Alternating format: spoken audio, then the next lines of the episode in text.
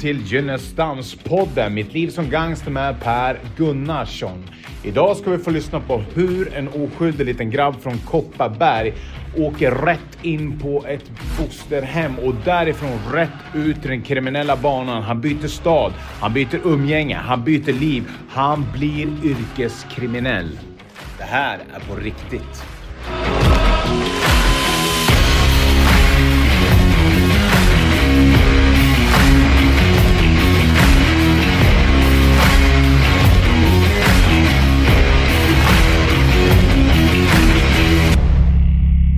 Välkommen hit Per Gunnarsson. Mitt liv som gangster heter här poddavsnittet. Hur känns det spontant när jag säger så? Ja, hej. Ja, det känns... Idag känns det lite underligt. Men eh, det fanns en tid då man skulle ha blivit imponerad och glad att det sa så. Men Ja. Så är det inte idag längre, tack och lov. Men det fanns en tid då jag verkligen gjorde allt för att leva upp till den rollen. Som så många andra då. Men hur, om vi går tillbaks till begynnelsen. Hur, hur började din kriminalitet?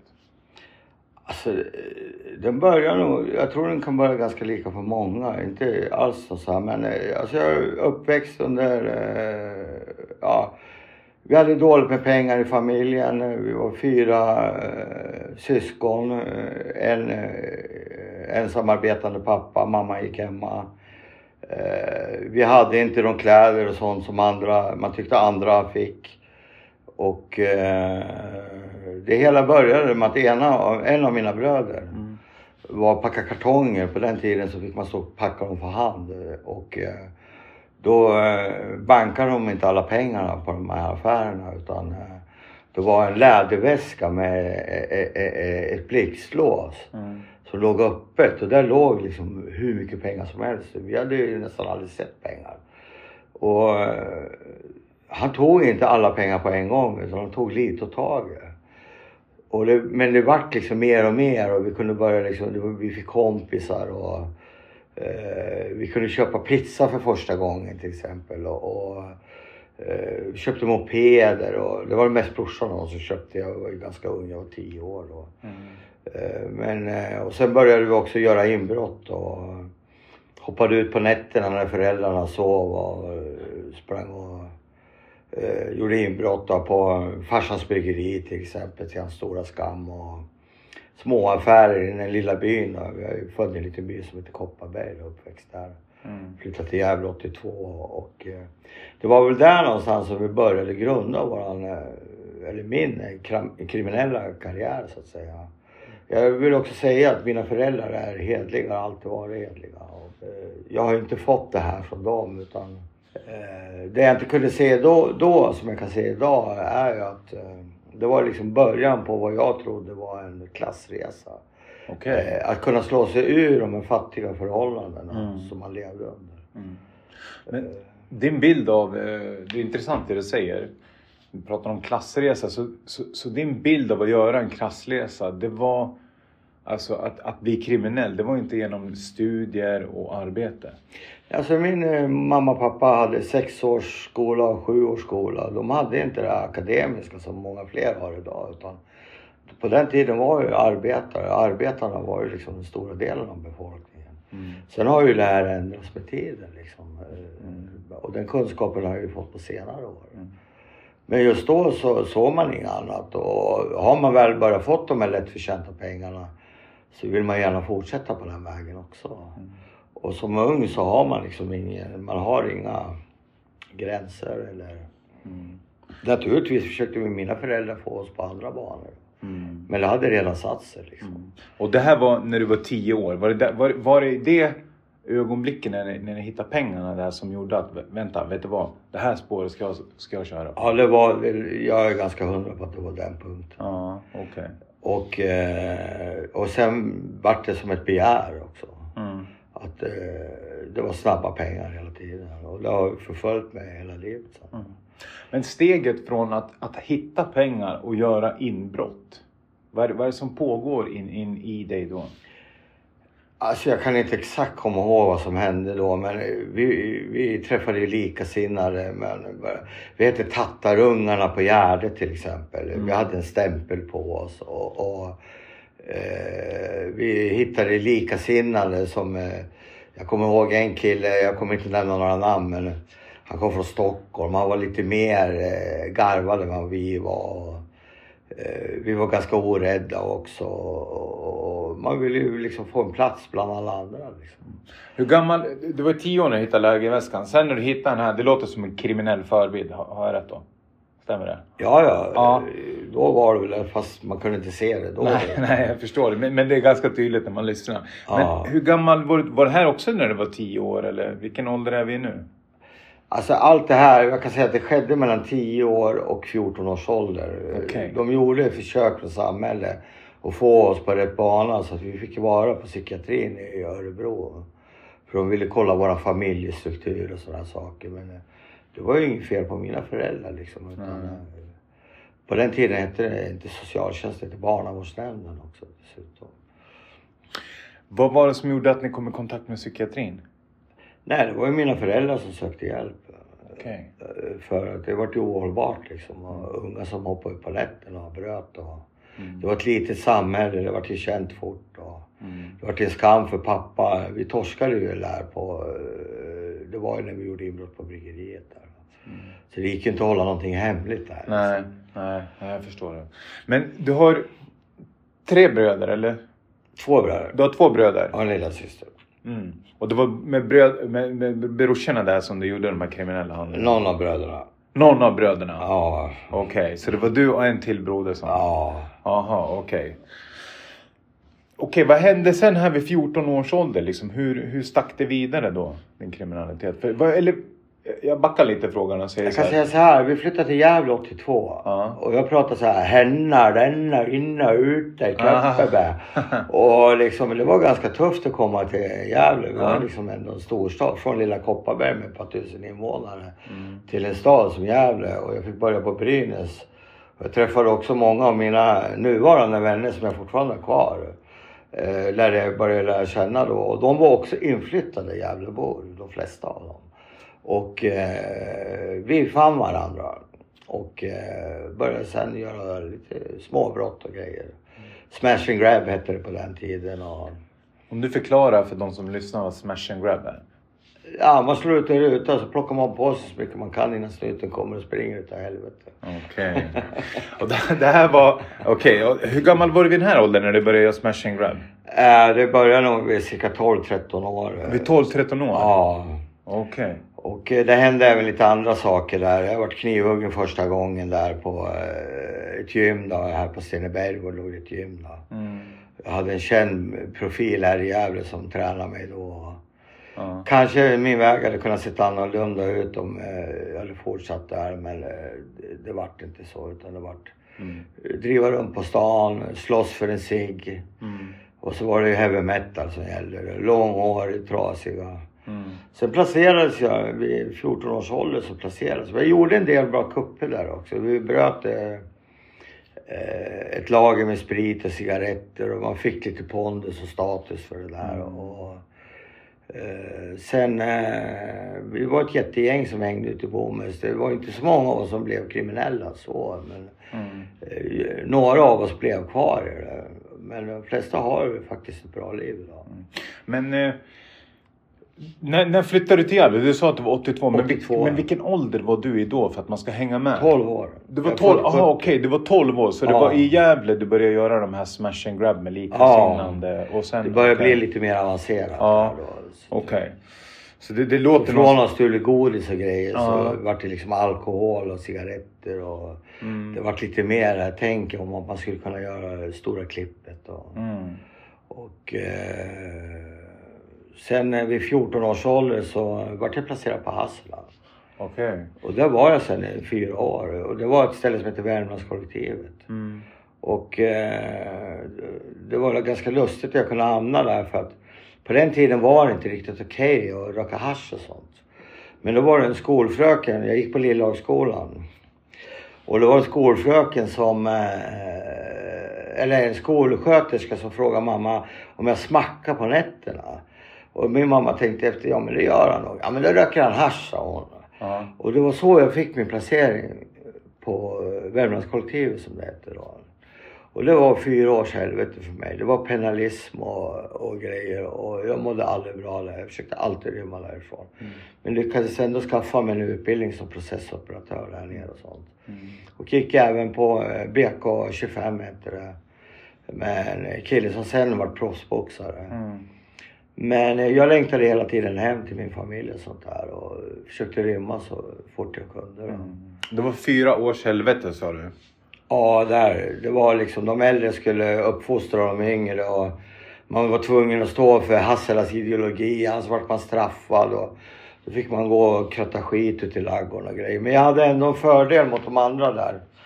Eh, I och med att intagningsåldern var 16 år och jag var bara 14 så fick de söka dispens för mig där. Men jag kan ju tycka idag att placeringen var helt galen för jag visste inte vad knark var. Jag hade aldrig hört talas om narkotika. Så under fyra års tid, jag provade aldrig droger där nere. Men jag lärde mig allt om droger och de som var där. Okej, men hur kommer det sig? För jag tänker så här, om du får fyra år idag, effektiv tid i den där åldern. För det första får du inte det. Om du är 15 år så får du två och ett halvt. Är du 16 så är- ligger det någonstans på tre. Är du 17 så får du fyra år för olika ganska grova brott. Mm. Vilket brott var det som gjorde att du hamnade på Hassela? Alltså, det var väl inte något specifikt brott så, utan det var väl liksom att mina föräldrar eh, tyckte inte att de kunde handskas med mig. Och kände att de behövde göra någonting för att få in mig på rätt kurs i livet. Alltså, det måste vara hemskt för dem att känna den känslan. Att, Fan, mina barn, jag kan inte göra någonting. De måste ha känt sig väldigt maktlösa. Och jag fick en solplacering, vilket jag också tyckte var orättvist. För att de andra som var där, de hade en LVU. Och jag var solplacerad. Och för mig innebar det att eh, mina föräldrar ville inte ha mig. Idag har jag förstått att det inte var så. Men då trodde jag att det var så. Och jag fick ringa ett samtal i veckan hem. Och det var på 10 minuter och det var under övervakning. Och sa jag fel saker till mina föräldrar, då samlade de ihop alla på hemmet. Och du vet, de var i den där åldern från 14 till 16 år. Det är ganska många år. Man var liksom inte så kaxig, men det var där det började forma mig till den människa som jag blev sen också. Och, och, och eh, ja, du har ju själv en kär vän och släkt som eh, också Ja. hamnade där. Och, Ja, det det formade många av oss eh, i, i, i det livet. Att vi vart liksom, vi vart hårda. Vi vart ensamstöringar. Vi vart eh, väldigt våldsamma. Vi tyckte inte att samhället såg oss och, och sådär. De tvingade på oss massa saker som inte stämde. Och, och man lärde sig tidigt att man ska inte lita på samhället. Utan där någonstans började mitt utanförskap från samhället började odlas så att säga. Mm. Mm. Eh, Ja, och det var, men jag lyckades i alla fall. I och med att jag var 14 så var det är skolplikt och lag på det här. Så jag fick ändå gå i en vanlig skola, men jag fick ha vuxna med mig i skolan. Mm. Och då gick jag i en skola som heter Ol Deje. Och eh, då fick jag vuxna med mig i början. Mm. För att jag rymde ju så fort de släppte mig. Mm. Jag ville ju bara hem. Jag ville hem till min familj. Jag ville hem till mina vänner liksom.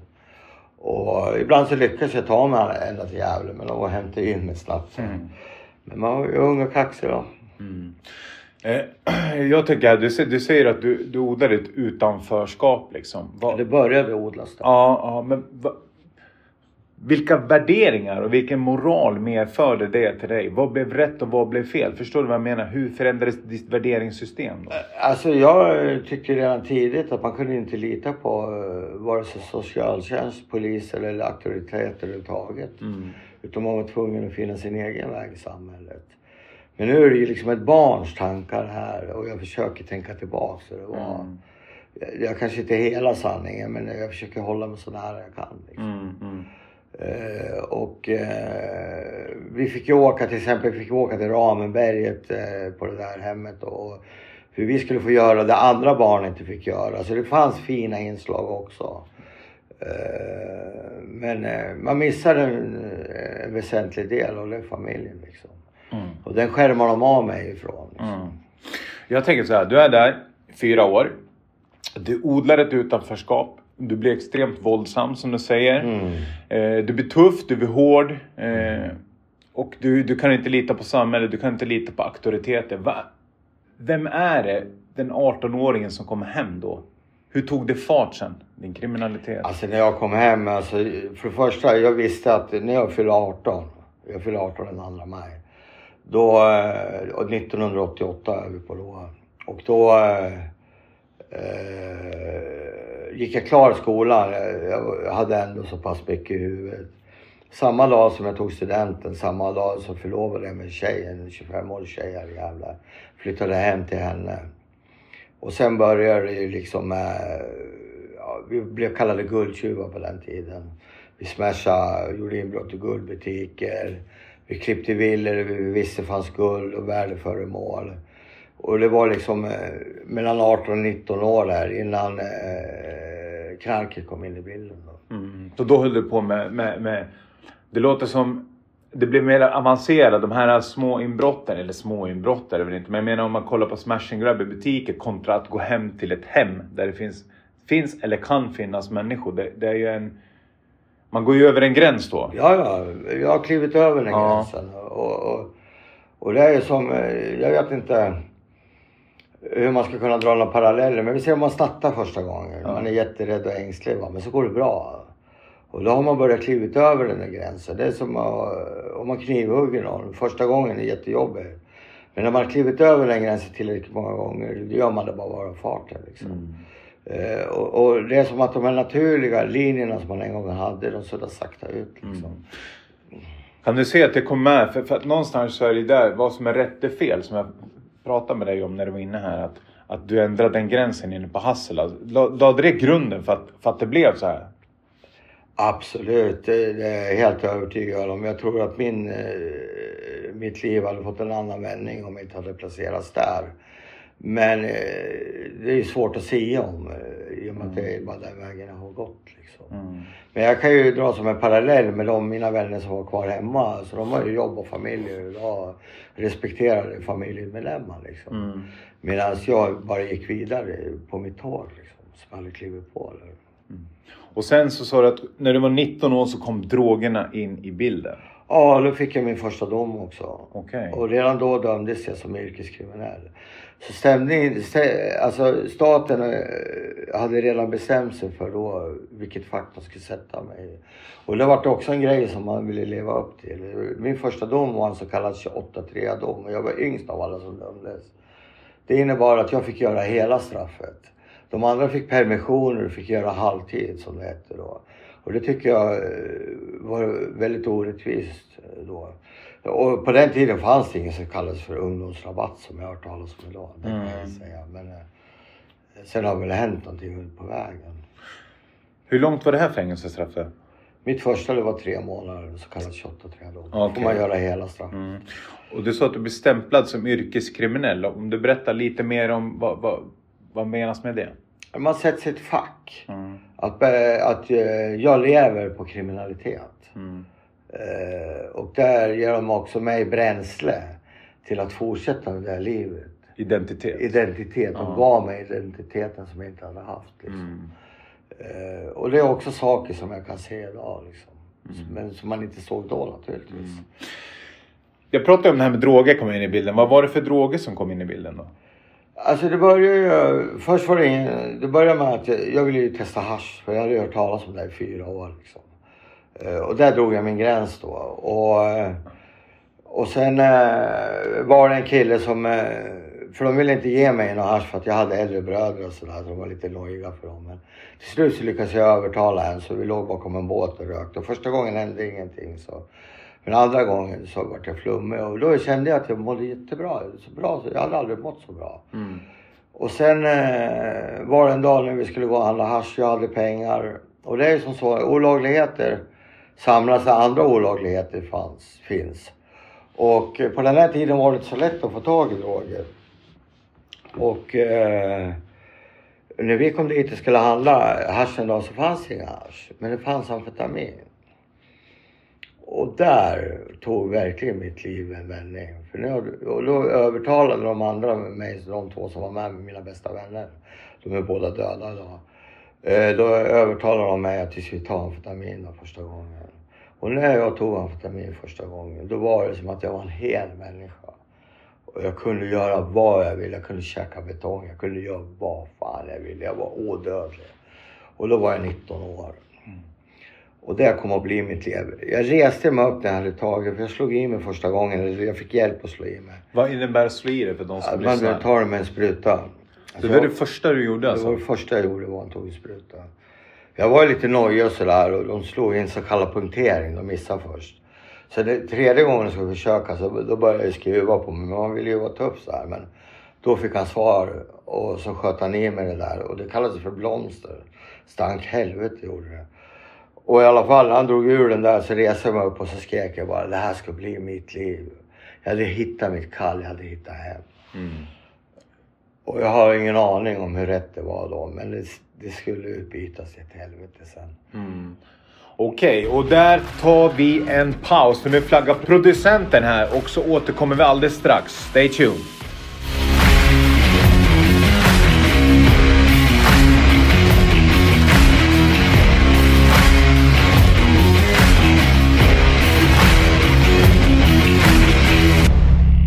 Välkommen tillbaks Gynnestamspodden. Per Gunnarsson. Vi har precis fått lyssna på en accelererande kriminell bana. Per Gunnarsson är 19 år. Han har precis upptäckt amfetamin som han har slagit i sig. Och den här kriminaliteten den bara fortsätter i en lavinartad fart. Och i del två nu ska vi prata 200 kilo. Vi ska prata skottlossning och vi ska prata sprängning. Om vi börjar med 200 kilo Per, så släpper jag ordet till dig. Alltså, jag har alltid vetat att jag kunde göra det här lyftet. Eh, jag hade haft med mig det i många år. Och eh, gick och väntade på det perfekta tillfället att kunna liksom kliva in och bara, nu kan jag ta det där. Nu har jag hittat rätt folk och, och eh, kan liksom sälja av det där.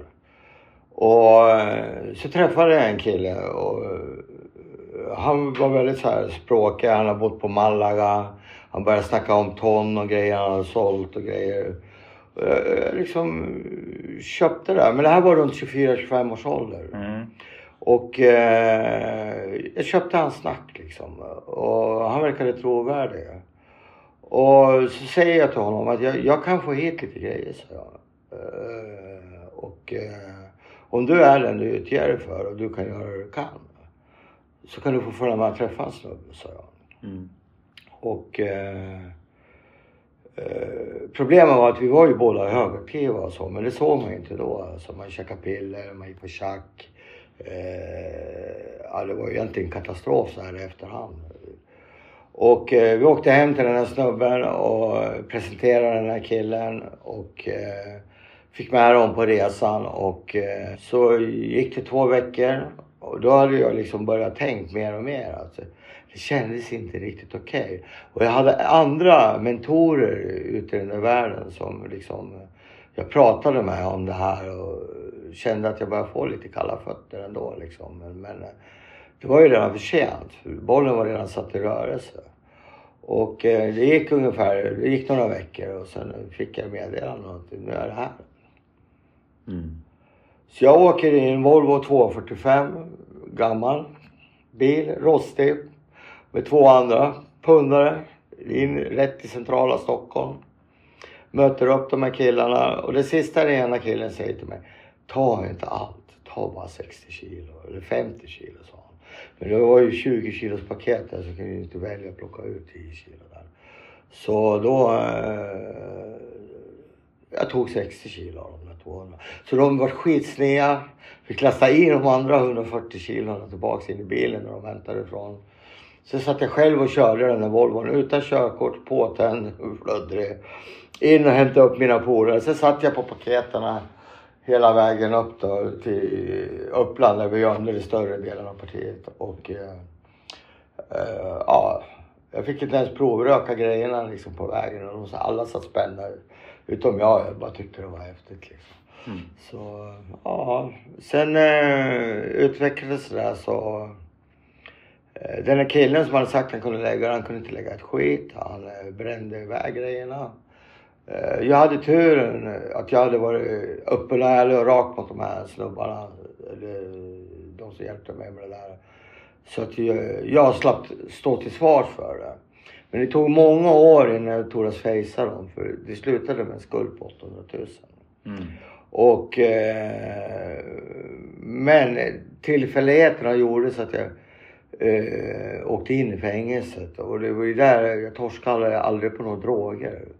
Däremot så eh, sköt man vapenkassuner och sånt på den tiden för regementena lades ner och dynamitförråd. Och, mm. och eh, jag torskade på en sprängning istället. Mm. Eller en, jag torskade på flera sprängningar. Mm. Men om man, om man går till, tillbaka till det här partiet. Du tar alltså 60 kilo. Ja. Du är på väg till eh, Gävle antar jag? Ja.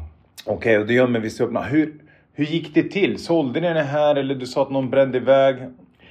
Alltså dels var jag så förvirrad. Jag gömde liksom fem kilo här och något kilo där och lite överallt. Och jag kommer inte ihåg vad jag hade lagt ens.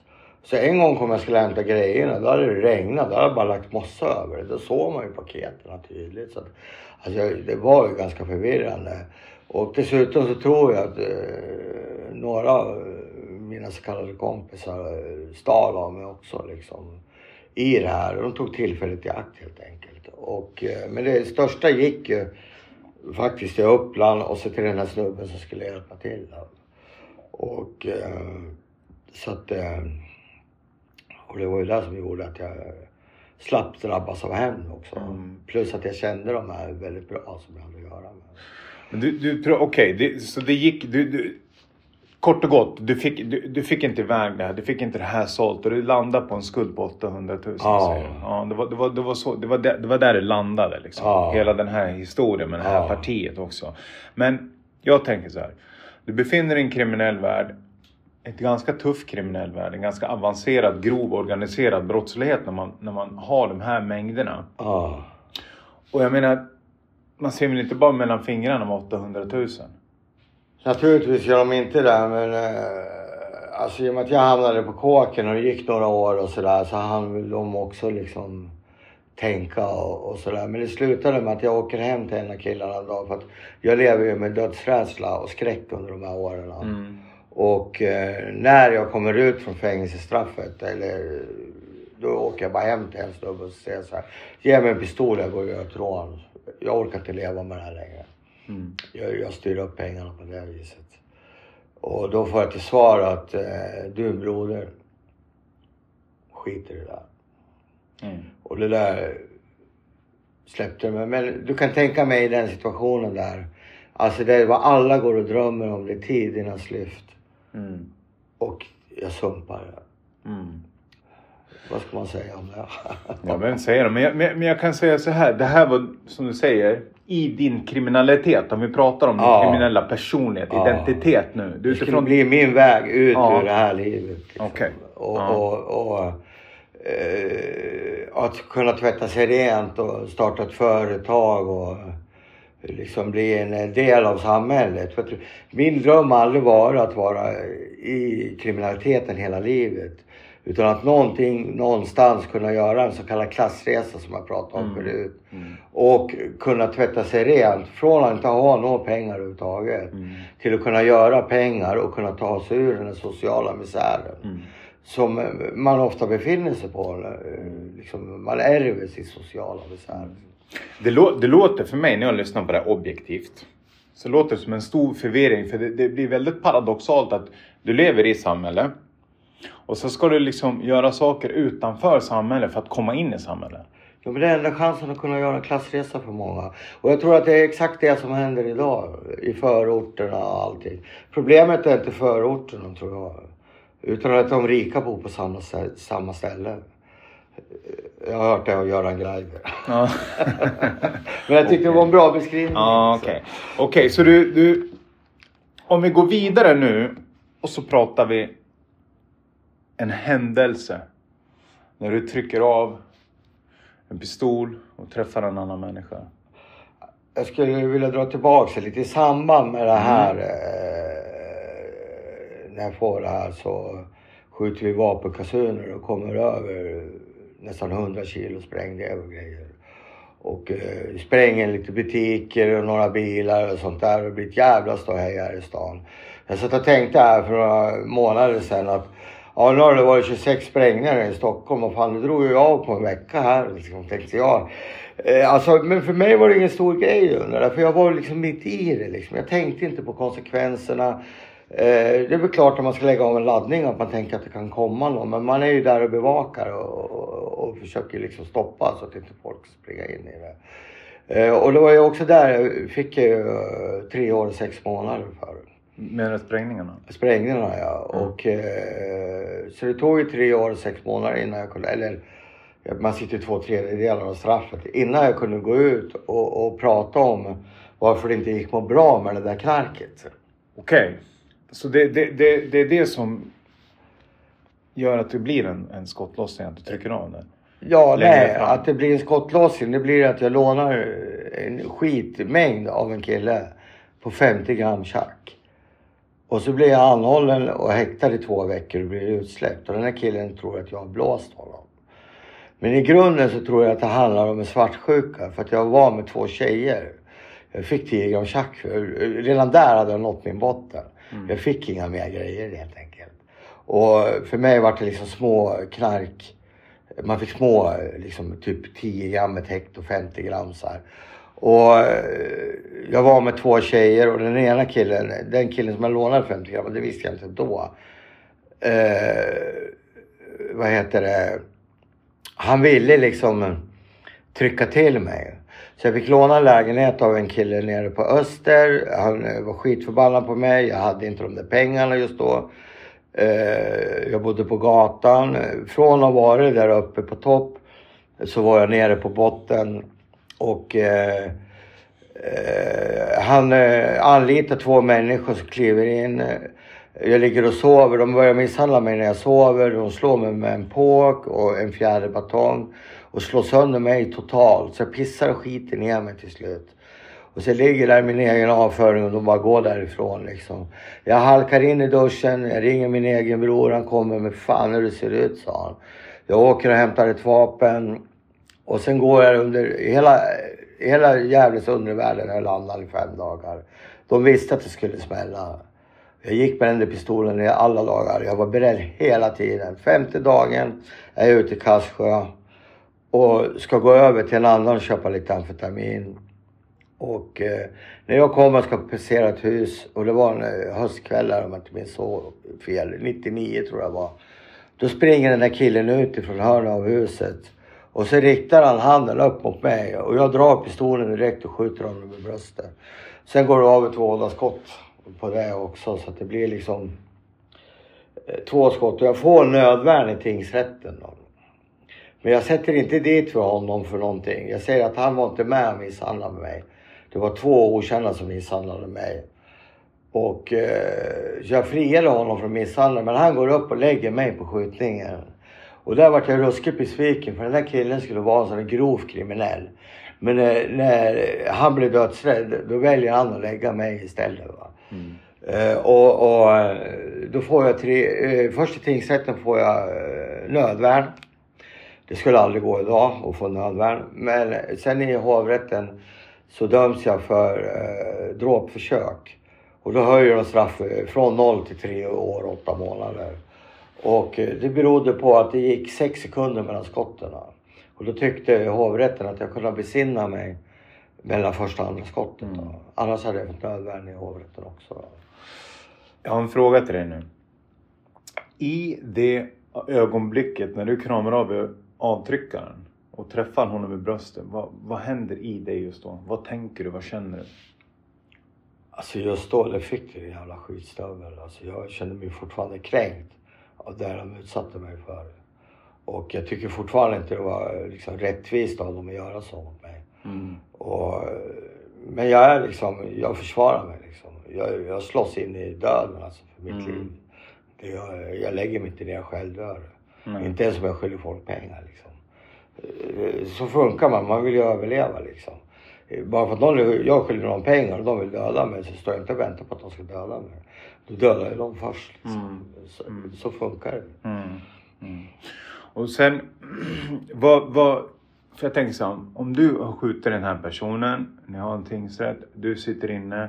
Eh, Blev du rädd? Blev du paranoid för, för liksom hämndaktionen? För någonstans där så var det ju han som... Absolut, absolut. Jag, jag var liksom rädd hela tiden. Inte när jag satt i fängelse, för nu var jag en stadig fängelsekund.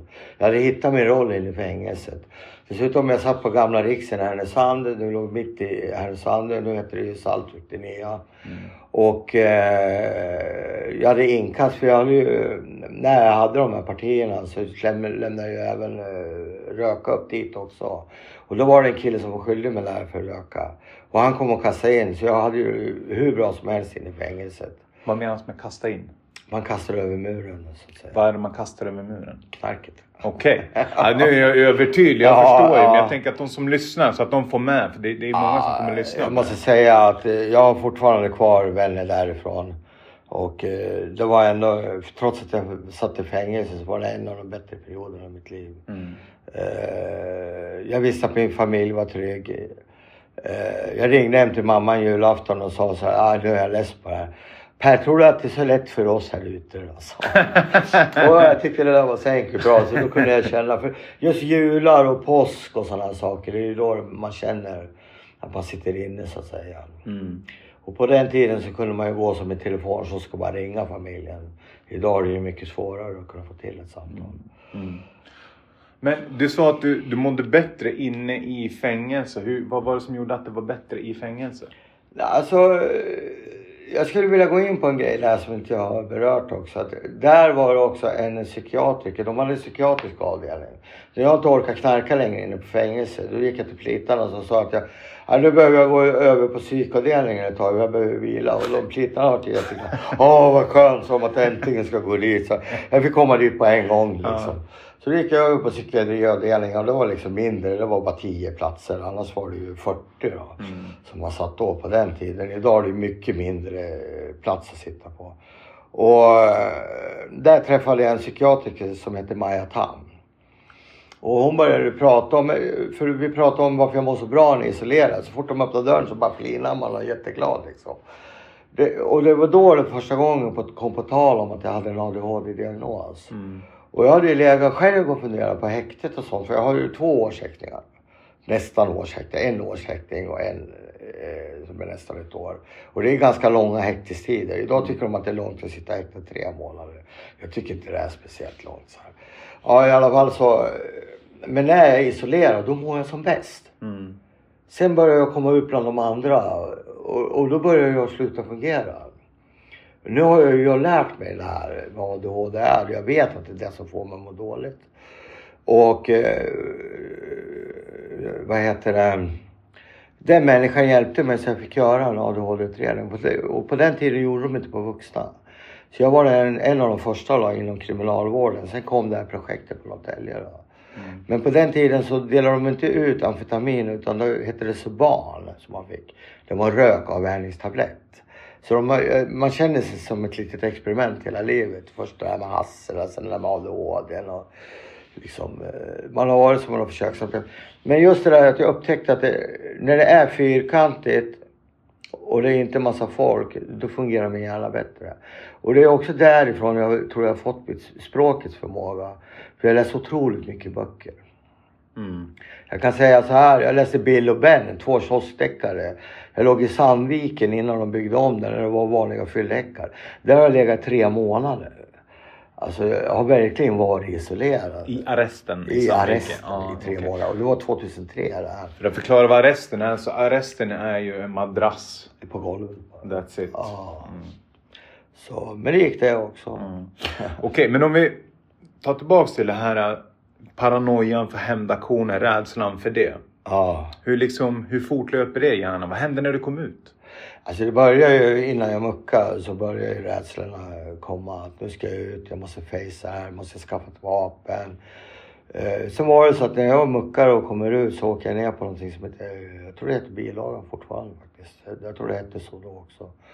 Och jag tar taxi hem och jag bor i Andersberg då. Och när jag öppnar taxidörren då står den där mannen. Och det första jag tänker det är att nu dör jag. Men han bara sträcker fram handen och tar med handen. Sen går han. Jag, bara, jag står kvar och bara undrar vad fan hände där liksom. Men jag är fortfarande rädd och nojig liksom. Mm. Och och undrar. Och sen är det någonting som finns, sen går det något år och sådär och det händer ingenting. Och jag börjar liksom glömma bort det här. Och jag har liksom eh, eh det här med drogerna som jag sumpade. Vi är inte ovänner.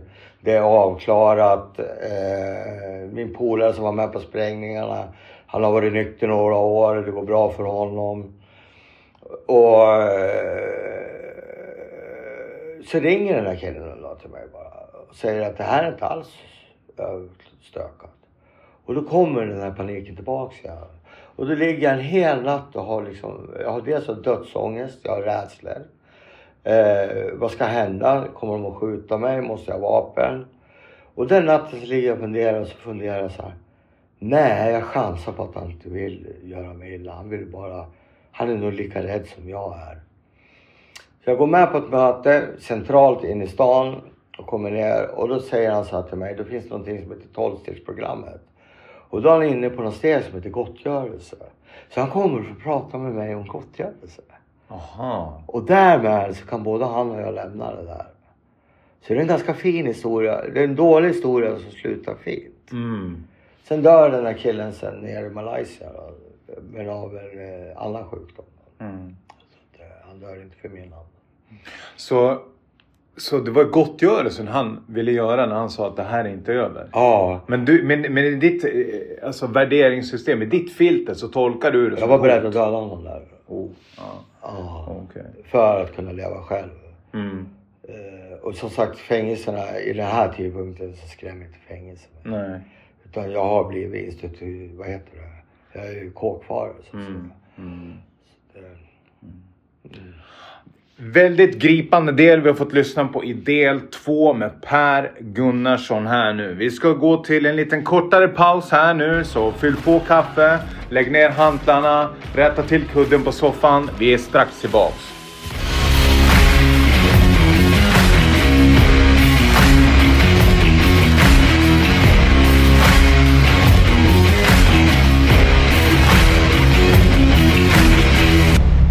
Gynnestamspodden är tillbaks.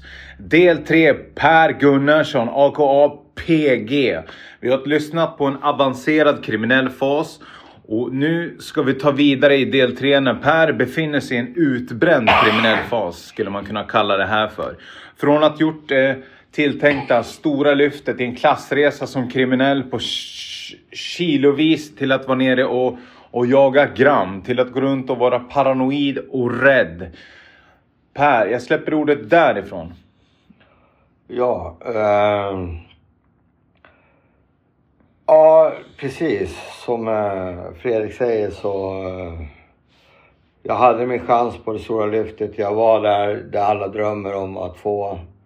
Jag kunde inte ta hand om det. Eh, jag hamnar ja, på gatan mer eller mindre. Och eh, går runt och försöker drifta dag till dag. Snor några bilstereoapparater för att få upp till någon gram schack. Och eh, bor hos olika kompisar, sover i källare, i, i vindar, i bilar.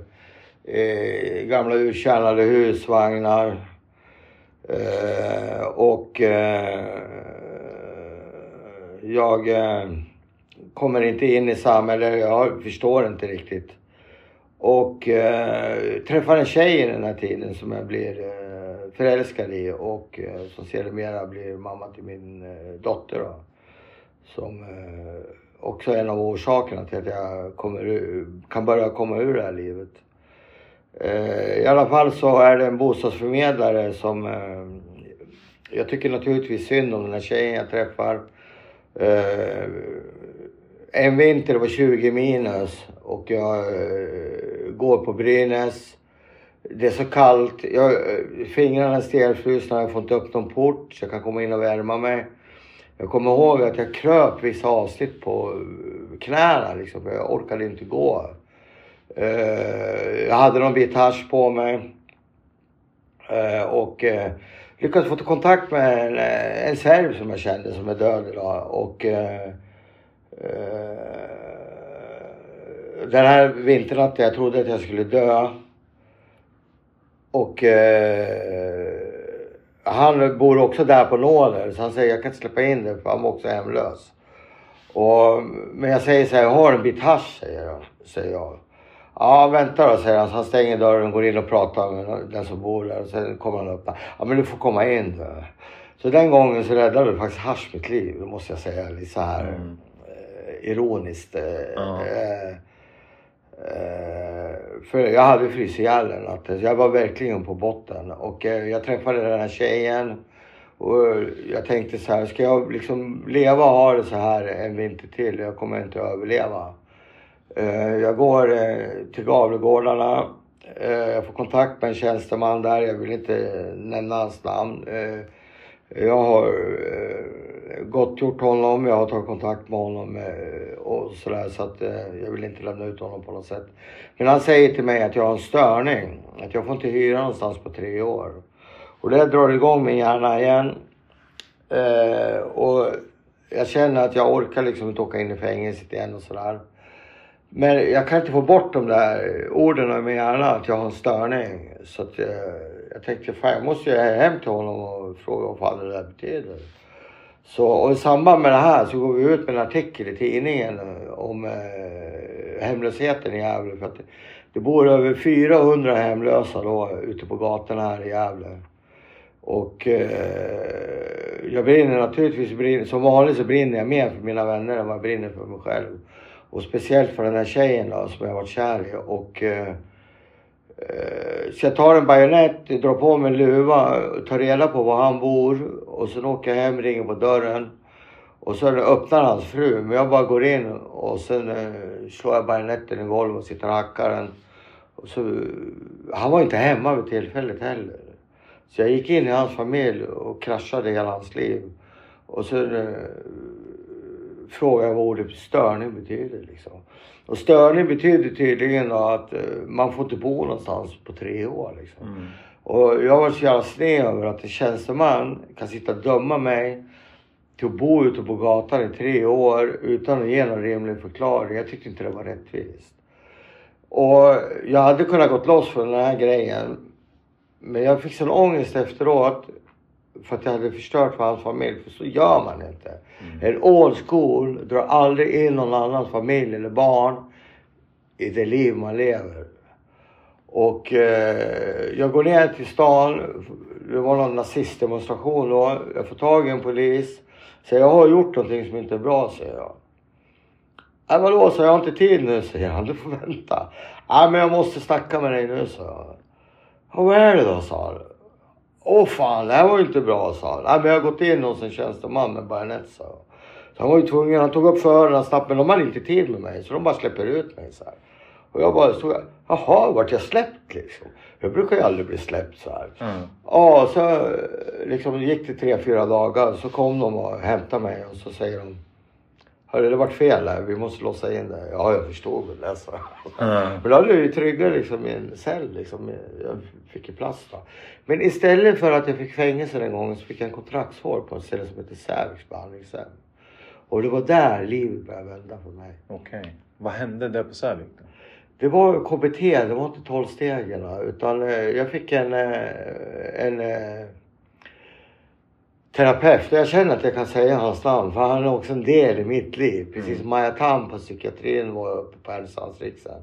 Han heter Jan Reimes då. Och det var Bernt Belt som ägde det här Säviks behandlingshem. Och de började nå fram till mig. För att jag hade en sån här gräns att kommer det inom en meter, då smäller det liksom. För det var min trygghetszon. Liksom.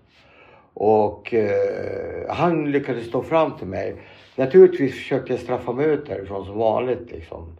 När jag tycker att det blev för jobbigt, då drog jag därifrån.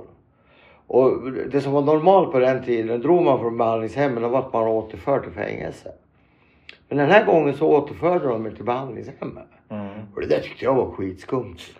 Fan kan de ta tillbaka mig? Jag ska in i fängelse. Jag drog en gång till. Ja, jag tog nog tillbaka mig igen dit liksom. Och det där gjorde att jag var tvungen att börja stanna upp och lyssna. Men de här människorna vill inte mig något ont. Alltså från det som har hängt med från Hassela tiden. Så vart jag behandlad på ett helt annat sätt. Mm. Jag har varit behandlad med kärlek och respekt. Fast de var tuffa mot mig. Liksom. Det var en jävla tuff behandling.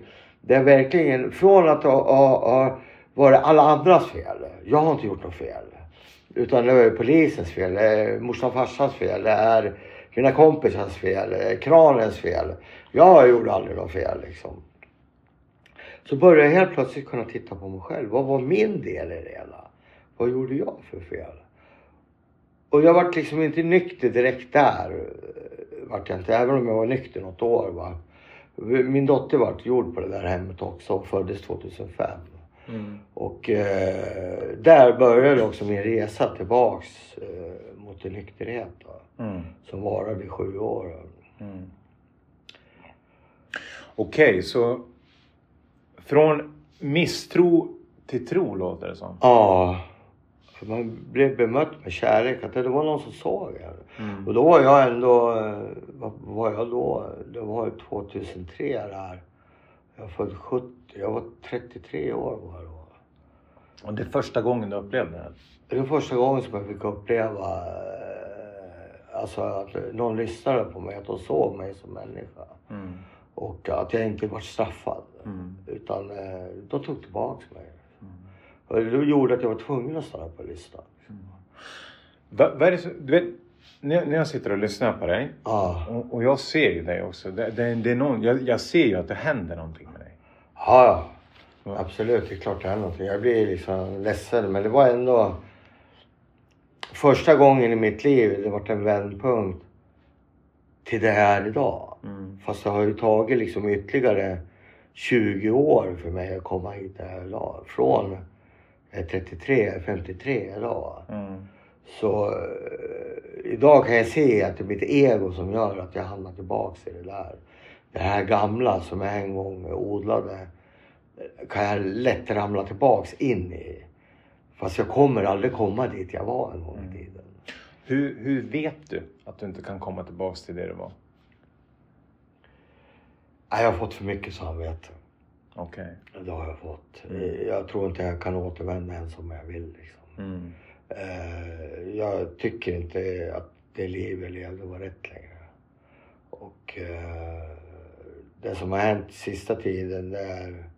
Jag har inte blivit religiös eller sånt där, det är inte så. Men någonting har hänt med mig. De här mm. sista åren jag tillåtit folk att använda mig som dörrmatta. Inte alla. Jag har ju bra vänner där ute också. Och som fortfarande är kvar i det. Men eh, jag har skitit om folk har varit skyldiga mig pengar.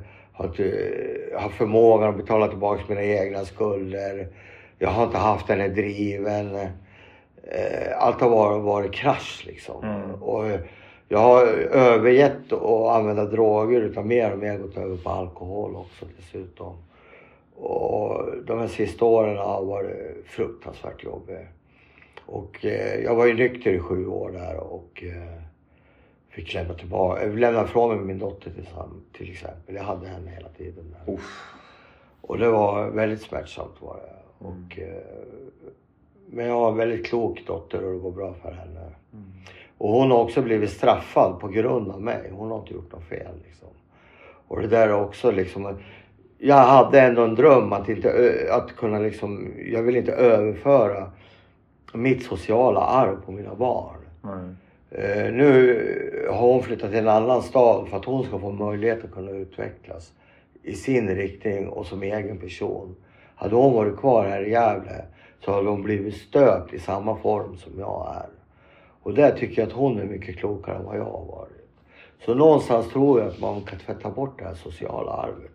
Men det tar tid och det tar generationer. Liksom. Mm. Och, eh, men jag antar att jag kommer få vara med mer här. Och kan absolut, det ska vi absolut göra. Men jag, men jag, får, jag får jag ställa en känslig fråga?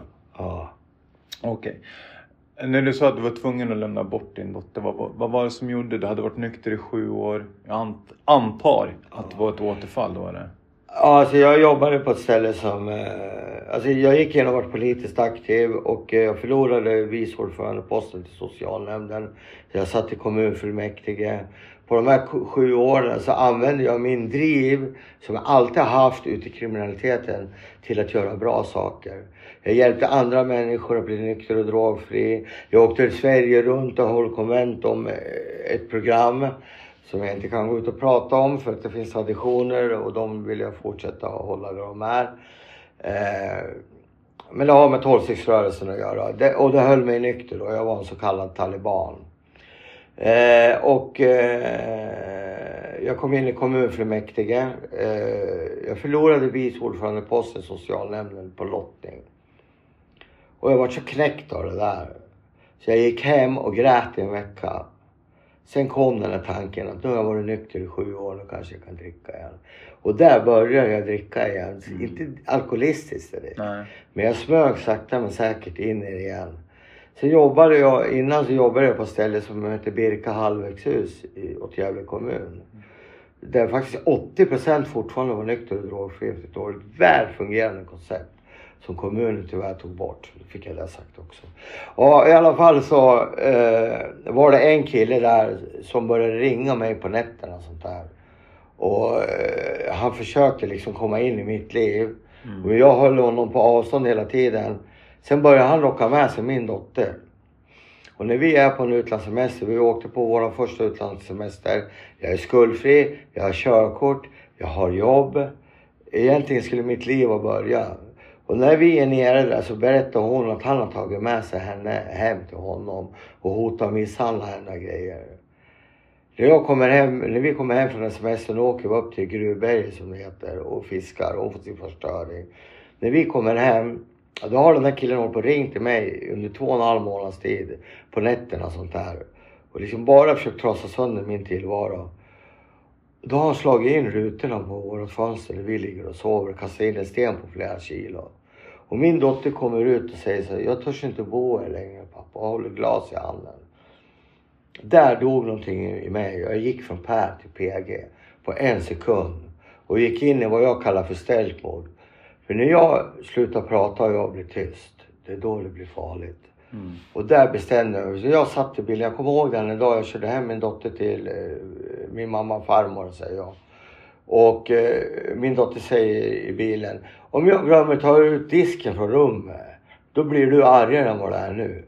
Men där i det läget, läget då var jag PG. Den här killen som jag hade gjort allt för att komma bort ifrån. Mm. Som jag hade formats från. Jag åkte till en kompis, frågade om jag kunde få en pistol. För Man kliver inte på mitt barn. Tanken att ringa polisen, den fanns. Men jag tänker om jag ringer, de kommer aldrig. För i deras ögon är jag dömd redan.